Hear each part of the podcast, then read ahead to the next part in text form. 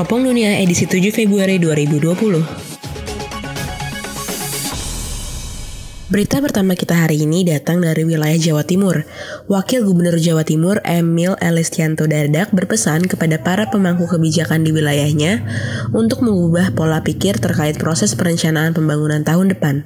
Ini menjelang penyelenggaraan Musrenbang RKPD Rencana Kerja Pembangunan Daerah 2021 maka sangat penting perubahan pola pikir bagi para pemangku kebijakan sehingga tak linier lagi.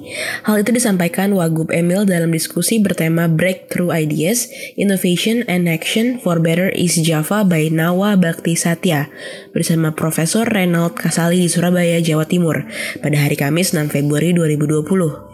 Menurut dia, pola pikir yang dibangun bukan lagi soal tentang program kerja berkelanjutan atau bahkan dihentikan dari tahun sebelumnya. Akan tetapi lebih kepada kesiapan Jawa Timur dalam menghadapi tantangan global sesuai dengan posisi dan kondisi Jatim pada saat itu. Berita kedua kita datang dari wilayah Jakarta. Presiden Joko Widodo atau Jokowi mengatakan pemerintah telah melakukan sejumlah langkah tegas dalam upaya menghadapi penyebaran virus corona. Salah satu langkah yang diambil pemerintah yakni menghentikan penerbangan dari dan ke Tiongkok. Juga pelarangan sementara impor dari Tiongkok. Kita juga mengatur ulang pemberian visa, tegas dia dalam acara pelantikan pengurus DPP PBB Jakarta hari Kamis 6 Februari 2020. Mantan Gubernur DKI Jakarta ini mengakui kebijakan tegas yang diambil pemerintah dalam mengantisipasi penyebaran virus corona memang memiliki konsekuensi pada perekonomian. Memang konsekuensinya tidak kecil ujarnya.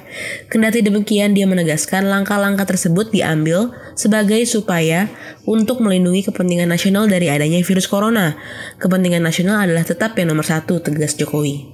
Salah satu dampak yang muncul adalah turunnya jumlah kunjungan turis asing asal Tiongkok. Tiongkok diketahui merupakan salah satu negara penyumbang turis dalam jumlah besar ke Indonesia. Masih beruntung kita tidak bergantung pada turis dari satu, dua, tiga negara. Turis kita berasal dari hampir semua daerah. Ujarnya. Dari sisi ekonomi, tekanan itu sangat terasa sekarang ini. Ekspor menurun, turis menurun, semoga tidak berimbas pada pertumbuhan ekonomi yang kita miliki. Jokowi pun bersyukur sebab hingga saat ini belum ada warga Indonesia yang tinggal di dalam negeri terjangkit virus corona.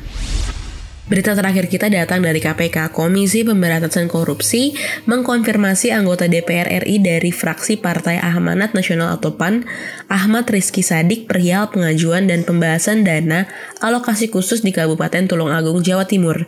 KPK memeriksa Rizky sebagai saksi untuk tersangka mantan Ketua DPRD Tulungagung, Supriyono atau SPR, dalam penyidikan kasus suap pengadaan barang dan jasa di pemerintahan Kabupaten Tulungagung tahun anggaran 2018.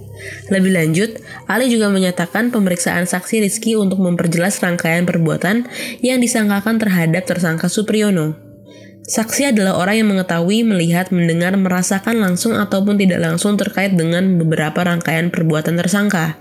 KPK pada 13 Mei 2019 telah mengumumkan Supriyono sebagai tersangka terkait pembahasan, pengesahan dan pelaksanaan APBD atau APBDP Kabupaten Tulungagung tahun anggaran 2015-2018. Dalam konstruksi perkara kasus tersebut, Supriyono diduga menerima 4,88 miliar rupiah terkait proses pembahasan, pengesahan, dan pelaksanaan APBD atau APBD Perubahan Kabupaten Tulungagung tahun anggaran 2015-2018. Berikut kilas teropong dunia hari ini adalah Gempa magnitudo berskala 6,3 skala Richter guncang Madura. Komisi 11 DPR bakal panggil tersangka kasus Jiwasraya. Monas ditolak jadi sirkuit lintasan Formula E. Sekian Teropong Dunia edisi 7 Februari 2020. Terima kasih sudah mendengarkan, semoga hari kalian menyenangkan.